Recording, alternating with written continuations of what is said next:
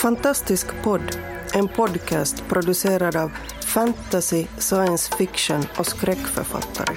På svenska, i Sverige och Finland. Vi snackar skriva, böcker, våndor och vändor i våra och andras världar.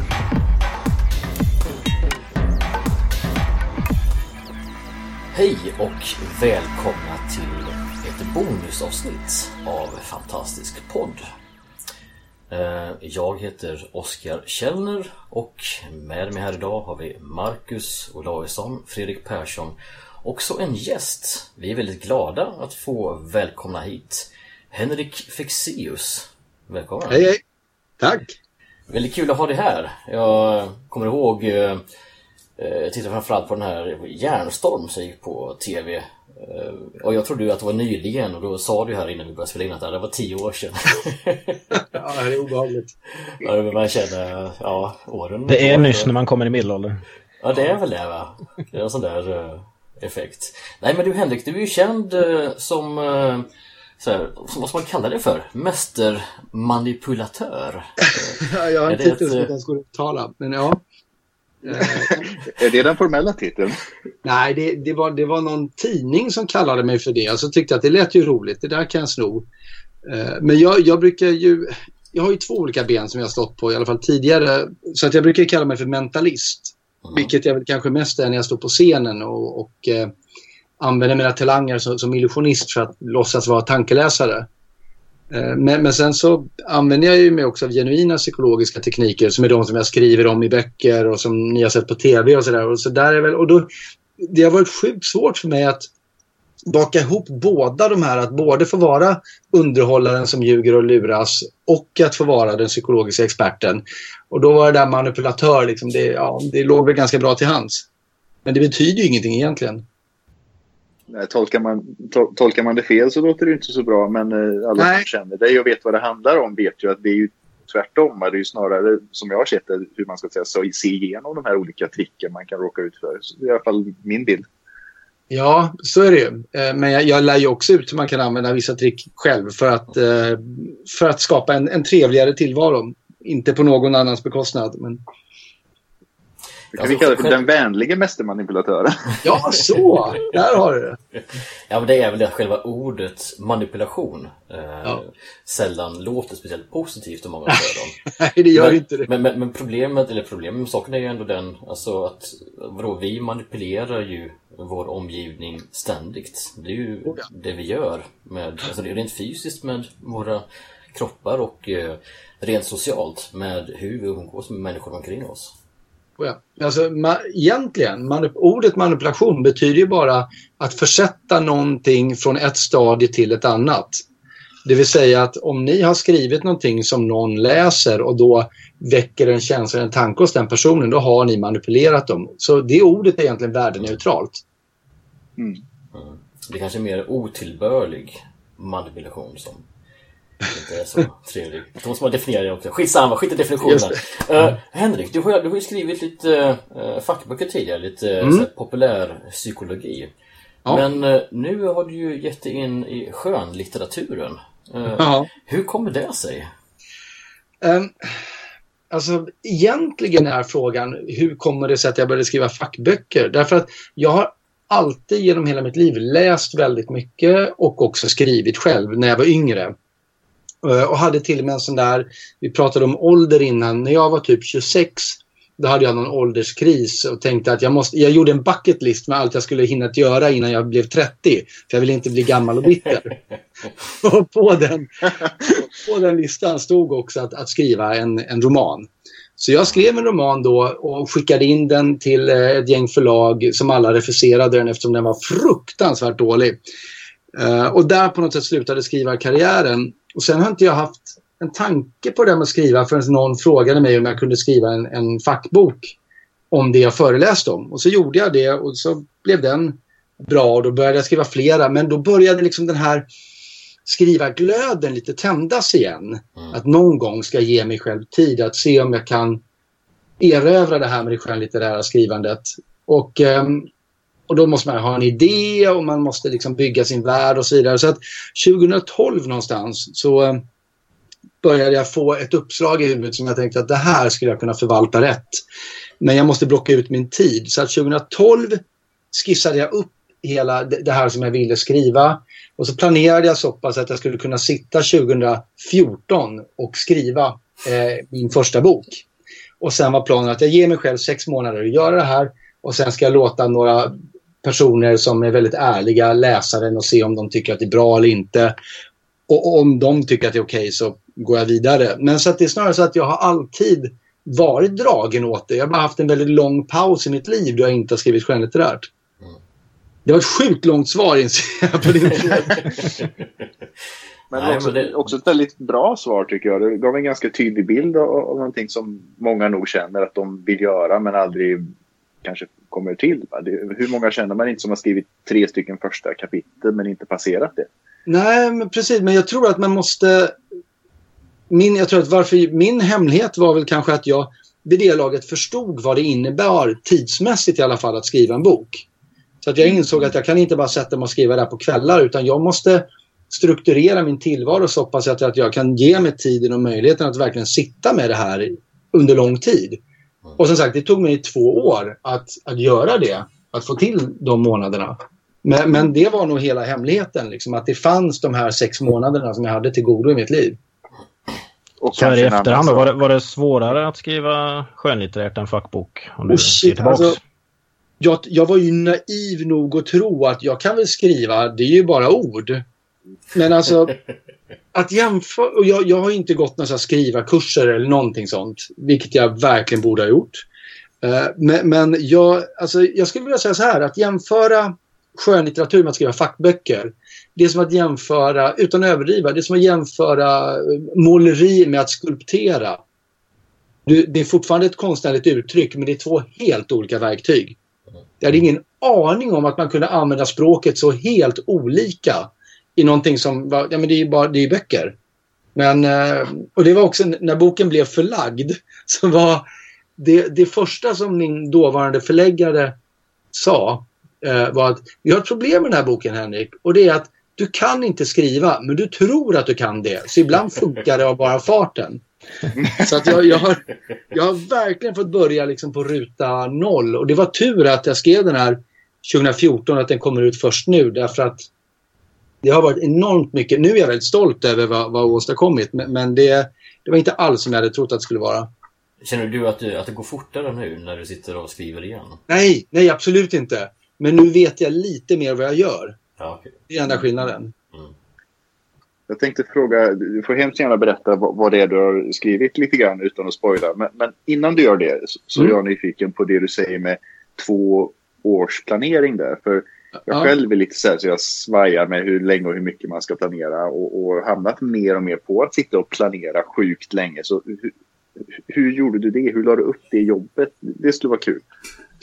Uh, alltså, det roliga är att jag läste en massa böcker om skrivande.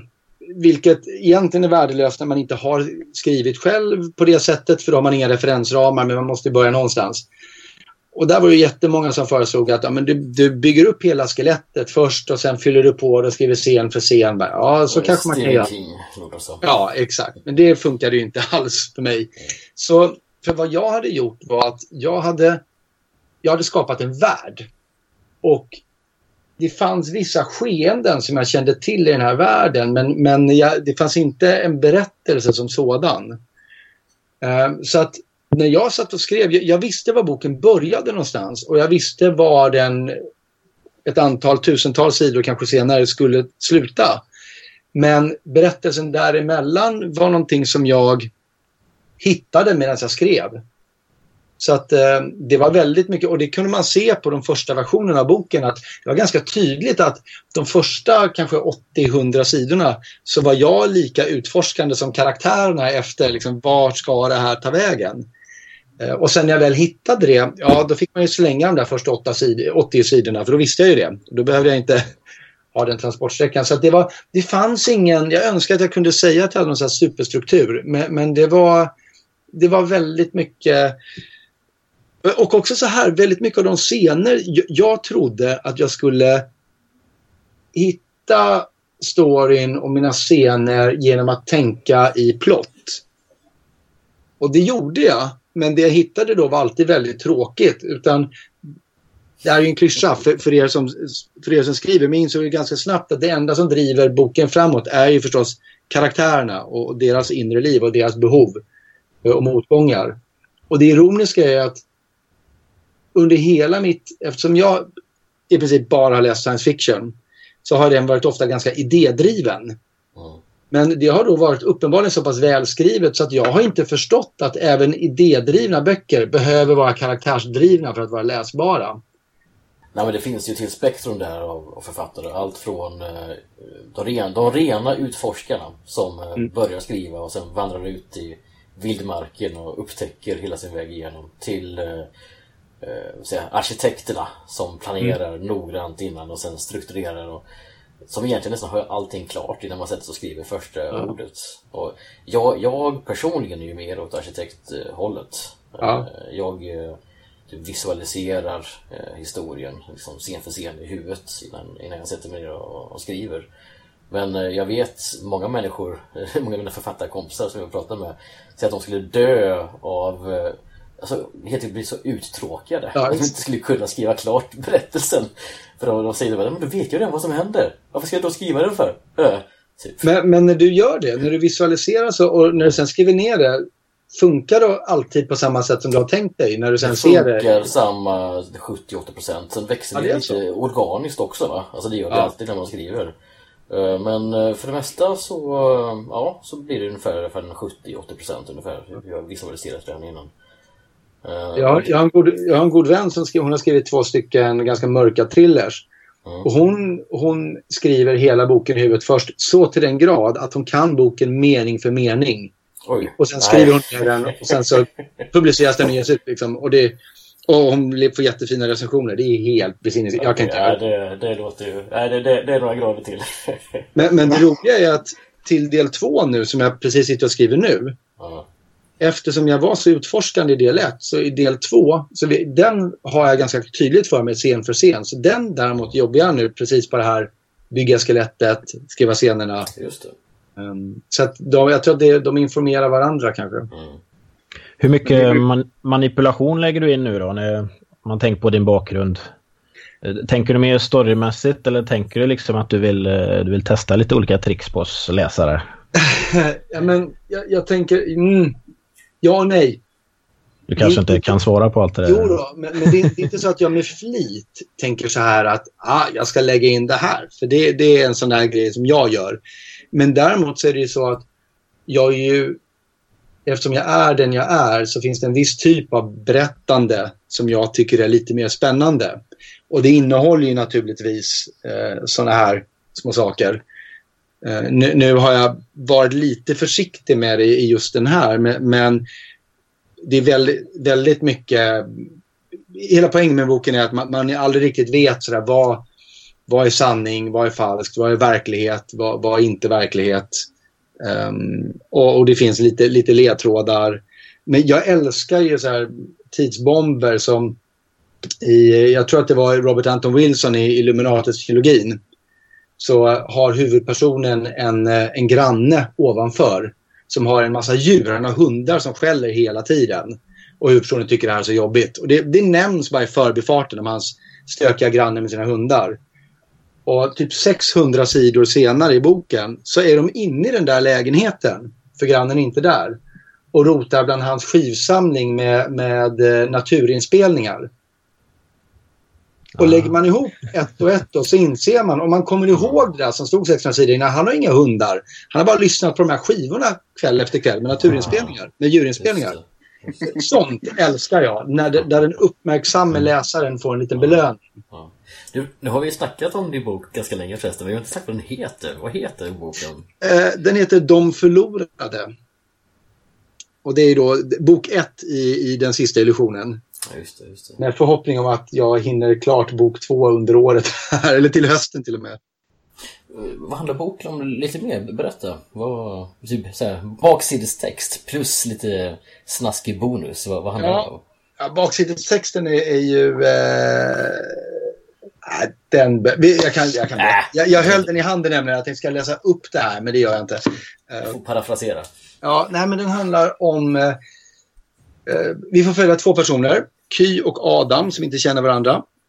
Och eh, Ky bor eh, i Bagarmossen utanför Stockholm eh, med sin pappa i en väldigt klaustrofobisk relation till honom. Efter att deras mamma lämnade dem och en dag så råkar hon göra ett litet hål i, i väggen i sin lägenhet. Och det här hålet blir någon form av besatthet för, för henne som en symbol för att försöka ta sig ut. Så att hon börjar göra det hålet större för att hon är nyfiken på vad som finns i en vägg. Och till slut så inser hon att eh, det går att gå in och ställa sig i väggen. Det är precis att man får plats mellan, mellan väggarna. Eh, och väl där inne så upptäcker hon i kamp med sin klaustrofobi att hon eh, kan röra sig mellan väggarna i fastigheten. Och vad hon kanske inte räknar med är att hon träffar på andra personer som också rör sig mellan väggarna. Och parallellt med henne så får vi följa Adam som sakta men säkert eh, tror att han håller på att bli eh, paranoid schizofren därför att han börjar hallucinera. Han börjar se eh, bokstäver som rör sig, personer som inte borde vara där de är. Han har svårt att skilja sina drömmar från sina verkligheter. Han tror på riktigt att han håller på att bli galen.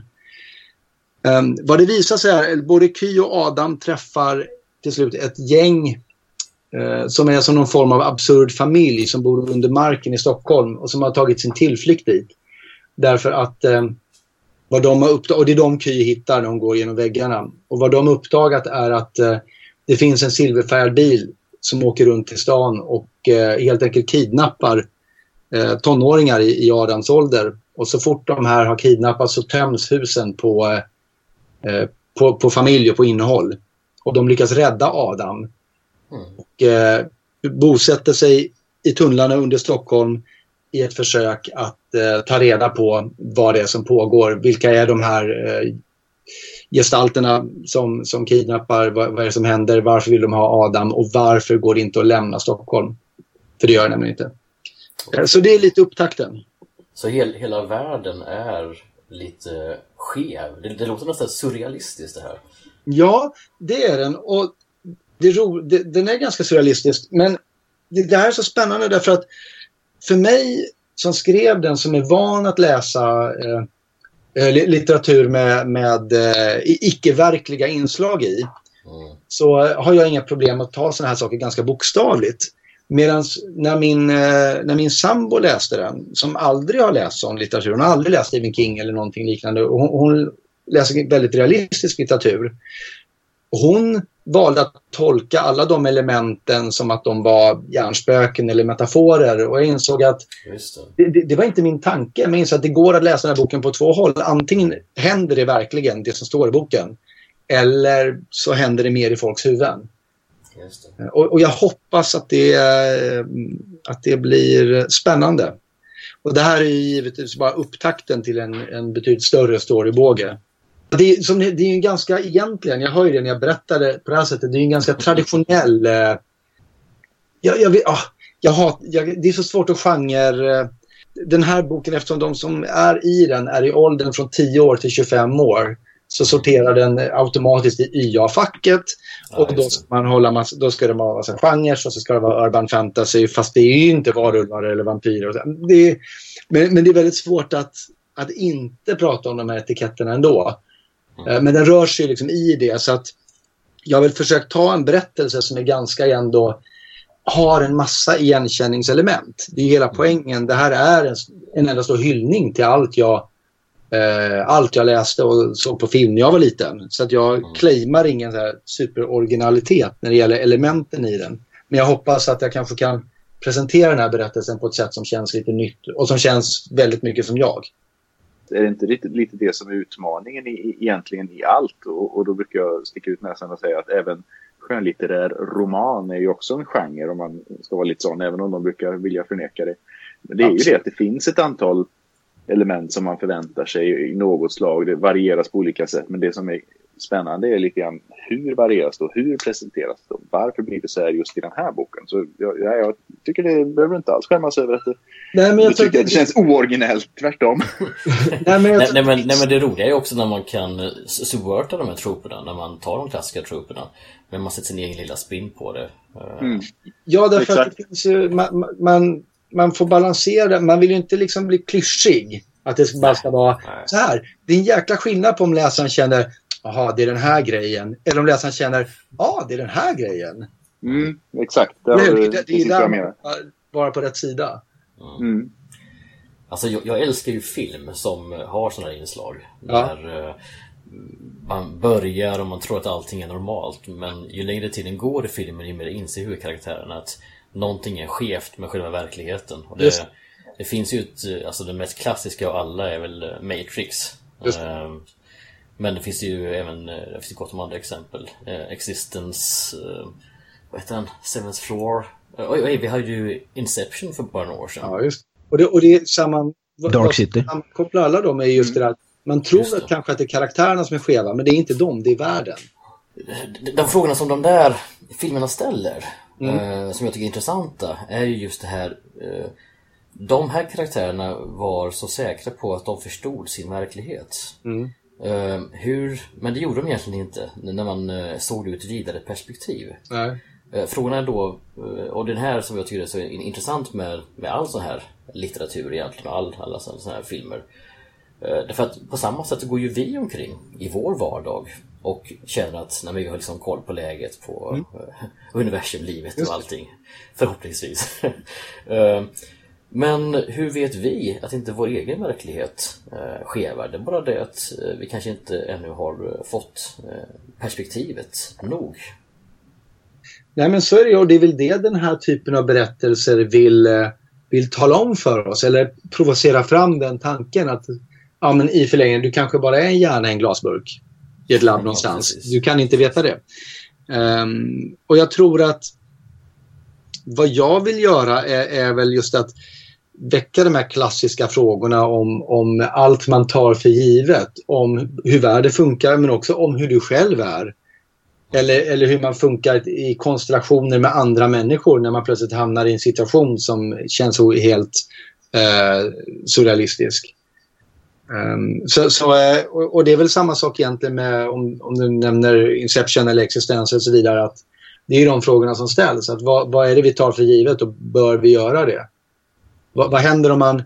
Joakim Pirinen gjorde en fantastisk serie för massa år sedan där, om en kille som går upp, eh, ett, ett, barn som vaknar en timme tidigare, tidigare än han brukar och går ut eh, på stan. Det är bara att världen inte riktigt är iordninggjord ännu för det var inte meningen att någon skulle vakna. Så han möter alla de här parkarbetarna som håller på att dra ner gardinen med, med husfasaderna på och, och sådär. Eh, och det finns något väldigt kittlande i det det här med att falla mellan eh, det som du pratade om gå genom väggar får också tanken att man liksom faller mellan sprickorna på något vis och så hittar man vad som finns där. Just det, just det. Och kanske hitta sig själv någonstans i det. Om man får vara klyschig. För all del. ja, nej, men därför att eh, alltså, det här handlar ju om, om världsbygge. Ja. Och eh, om uh, metanarrativ, för att använda uh, fina ord. Alltså hur, hur vi som människor skapar berättelser, inte bara eh, för skojs skull, utan vi skapar ständigt berättelser om våra liv, om, om vem vi är i denna berättelse. För, för vi är berättande varelser, helt enkelt. Och vi vill ju så gärna eh, ha någon typ av mening, ett, ett mål med den här berättelsen. Mm.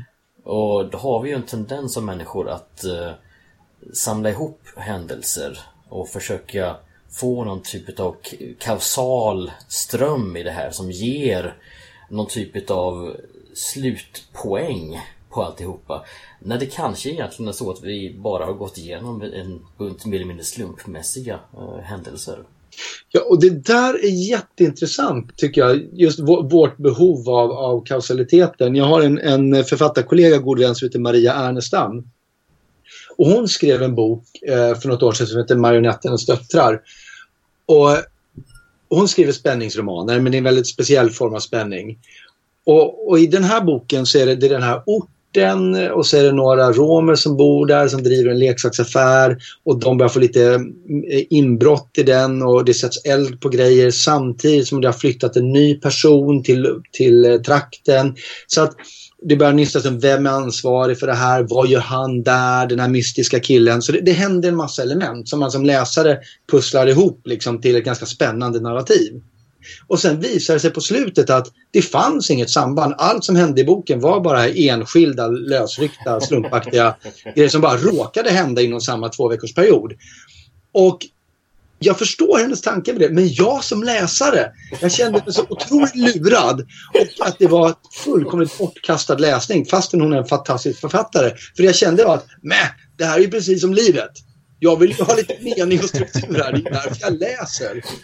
Det var ingen plot turn på mm. sidan 33 av 100. Nej, det fanns ingenting sånt. Allt som händer i rymden handlar om familjen Skywalker. Ja, exakt.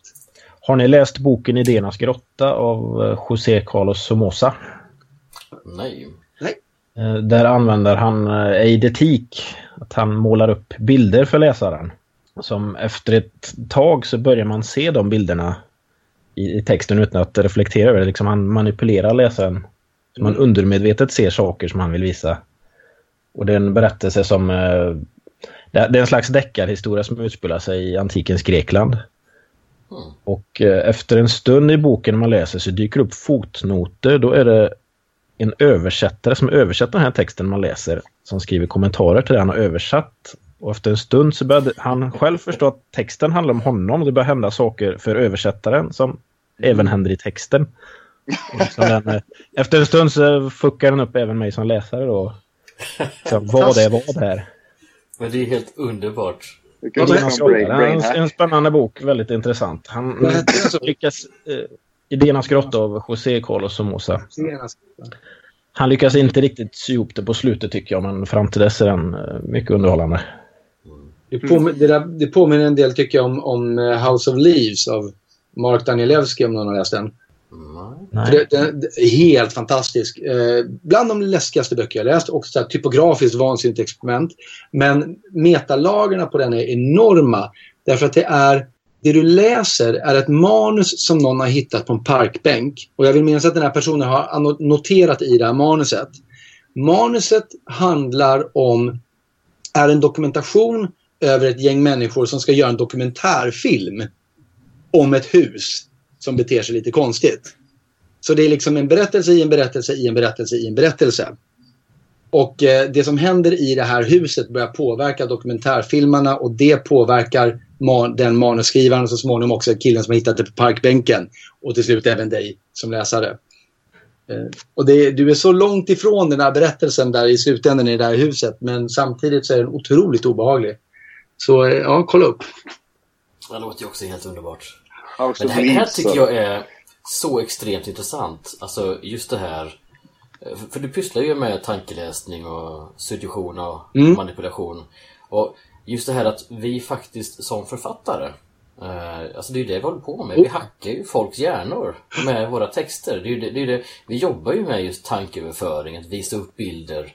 Eh, att eh, helst kunna manipulera läsarnas känslor så att de känner skräck när vi vill, som känner eh, glädje när vi vill. Så de vi, vi har ju hela batteriet här av, av verktyg. Uh, just för att via Alltså, liksom, alltså via bokstäver uh, beröra en annan människa på det här sättet. Ja, det är bisarrt. Men, men ha, ha, har, ni någon gång fått dåligt samvete över att ni har skrivit en text och så vet ni att det här kommer beröra folk på ett riktigt, riktigt jobbigt sätt. Så ni kan säga, nej, jag kanske inte ska Alltså, har ni, har ni så censurerat er själva för att ni känner att här, här manipulerar jag lite väl? Oh ja, det är nästan som att man får dra ut den där spiken och bestämma sig för att nu ska du inte bry dig om det för då blir inte storyn så bra. Nej, exakt. så att eh, jag känner igen det. För det, det vittnar ju om styrkan i det. Mm. Nej, jag, jag har nog aldrig eh, haft så mycket samvete. Jag har bara kört på visar att jag är den ängsliga typen av oss då. Men jag, jag, jag, jag, kan inte låta bli det. Jag måste liksom dra ur spärren ibland och tänka, kan jag verkligen skriva så här? Vad kommer folk att tänka om mig egentligen? Sen tänker jag, vadå, du är författare, kom igen liksom. Ut med den. men, men är det inte det som eh, George R. R. Martin har gjort till sin eh, konstart? Att han eh, skriver karaktärer som folk verkligen bryr sig om, verkligen lär sig älska och sen så mördar han dem på de mest bestialiska vis. Ja, det är väl, men problemet med George Martin är att han måste ju hela tiden hitta någon ny som vi kan empatisera med och också se till att vi går på det där tricket igen och igen och igen. För att annars så har man ingen kvar att bry sig om, ja då blir det väl tråkig läsning. Mm. Han lyckas ju även få oss att bry sig om de som är riktiga svin. Det... Ja, väldigt bra gjort. Jag funderar på det här i din uh, konsten att läsa tankar, Henrik. Mm. Så du pratar om något som du kallar rapport, tror jag det Ja. Uh, som man skapar med sina medmänniskor eller... Just det. Goda uh, relationer kan vi kalla det. Relationer, ja. Hur, ja. hur kan man tänka på något sånt när man skriver skönlitterärt? Ja. Det är, det är, svårt att ha en relation med sin läsare eftersom det blir någon slags envägskommunikation i alla fall initialt. Ja, eh, det är intressant att ta upp det därför att jag, jag, det där var någonting som jag funderade lite på när jag började skriva. Och, och för de, de, som inte känner till det här begreppet så, så är rapport är, betyder egentligen att man har en väldigt god relation med någon som är väldigt nära och bra. Och den använder man oftast genom att eller förlåt, man skapar den genom att med omedvetna tekniker signalera att du och jag förstår varandra, vi tänker på samma sätt, vi har samma grundläggande värderingar och så vidare. Eh, så det, det är likhet enkelt som föder den relationen. Men jag tror att skulle man skriva en bok på det sättet så skulle den bli ganska urvattnad. Därför att eller så här, det, är nog, det är säkert olika från författare till författare men jag vill inte skriva en bok som folk läser för att de ska känna sig hemma i den och trygga med den. Jag vill skriva en bok för att folk ska känna sig utmanade och lite osäkra på den. Det är vad som intresserar mig. Eh, jag måste ju naturligtvis fortfarande se till att jag får läsarens förtroende på något sätt. Eh, men, eh, men tekniken blir ju annorlunda för då handlar det inte om att visa att jag är som du läsare. Det, det blir svårt när alla är så olika. Jo, men det är de ju. Men, men då är det ju om man är genreförfattare så är det mm. väl så att då vet man väl på ett ungefär hur, hur ens i alla fall största läsekrets fungerar, tänker jag. Man, man, har väl ett hum och sen har man ju det här man har hyfsat med tid på sig att åstadkomma det kan man väl säga. Att man kan sitta och fundera ganska länge och få till de här snärtiga replikerna som man aldrig kommer på i verkliga livet. Ja, just det. Just det, så är det ju. Men om man, om man har någon sån median på, på min läsare är ungefär så här, då kan man ju skapa en karaktär i boken som är hyfsat så. Bara för att ha någonting som, eh, som läsaren identifierar sig med. Och så får man väl göra som George Martin då, ha ihjäl den personen efter ett tag. ja, alltså jag, jag, är nog lite, lite smått eh, postmodern just på den här punkten. Um, i, I min föreställningsvärld så för, för, för, jag reagerade lite grann på det här du sa att eh, det är inte en dialog utan en monolog.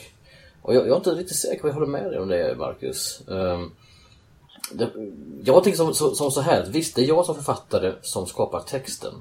Uh, och när jag väl skickar ut texten så har den lämnat mig. Uh, det innebär att när, när läsaren läser texten så gör den texten till sin och läser den dessutom ur sitt egna personliga perspektiv med sina, eh, ja, sin kontext, sina för, förutsättningar alltihopa och, och har en tolkning av den eventuellt då som kanske jag inte alls hade, hade förutsatt. Som, som du var inne på Henrik, du hade skrivit det här ganska rakt upp och ner och sen så kom din sambo och läste in alla möjliga... Ja, och jag kan ju inte säga att hon har fel. Nej, nej men precis, precis. Därför att det var hennes upplevelse ja. av texten och den var sann på så sätt för henne. Um, och, och, jag kan inte som, alltså jag i alla fall då, jag kan inte som, som författare komma och säga att nej, så där ska man inte läsa det. Det här är sanningen. Utan texten är sin egen i sig självt. Alltså en egen autonom entitet. Mm. Eh, som jag som författare relaterade till på ett sätt och läsarna på ett annat. Och varje läsare då egentligen på sitt eget unika sätt. Visst är det så. Det jag syftar på är egentligen att du skriver och den läsaren läser men då, då har ju du personligen ingen kommunikation och kan eh, få ögonkontakt och sådär liksom. Så. Nej, det kan jag i och för sig inte. Det kan jag inte. Men, men, men samtidigt så blir läsaren ändå medskapare utav, utav det hela. Och det vill vi ju. Vi vill ju att läsaren ska vara medskapande. Och det tycker jag är någonting som man verkligen ska utnyttja i sitt skrivande. Att vara medveten om det. Och att kanske till och med Alltså, jag, jag höll på att säga, eh, se till att, att eh, frigöra tolkningsutrymmen. Jag menar inte att man ska vara ambivalent, men, men men ni, ni, vet ju att, att eh, beskriv ingenting i superdetalj nödvändigtvis hela tiden för det blir jävligt tråkigt att läsa för det lämnar ingen fantasi åt läsaren. Mm. Eh, och, och, just det där, att lämna fantasi åt läsaren, är ju samma sak som att säga att du måste lämna tolkningsutrymme åt läsaren. Precis. Det gör Precis. ingenting och det kanske till och med bara bra om läsaren får en lite annan bild än vad du hade i huvudet. Mm. Eh, och det, att, att kunna uppmuntra till det i texten, jag tror att det gör texten mycket, mycket bättre. Det kan leda till långa diskussioner i forum också som gör reklam för boken och det är bra. ja, just det. nu hörni, så är faktiskt eh, klockan slagen. Se där! Jag får tacka så hemskt mycket. Jättekul att eh, ha med dig Henrik. Tack för att jag fick vara med. Ja, det ska bli kul att läsa när den väl kommer ut. Den, eh, vad var det, 20, 24 april? Ja, 20 april. 20 april till och med. Stå på hyllorna i handeln. Yes, Härligt. ja, det är bra. Oh, nej men tack så mycket och tack alla ni eh, lyssnare för att ni var med även på det här avsnittet. Hej då! Hej då! Hej då! Du har lyssnat på Fantastisk podd. Om du trivdes i vårt fantastiska poddsällskap och vill ha mer så hittar du äldre poddar och information om oss som deltar på vår hemsida under fantastiskpodd.se och på vår Facebook-sida Fantastisk podd.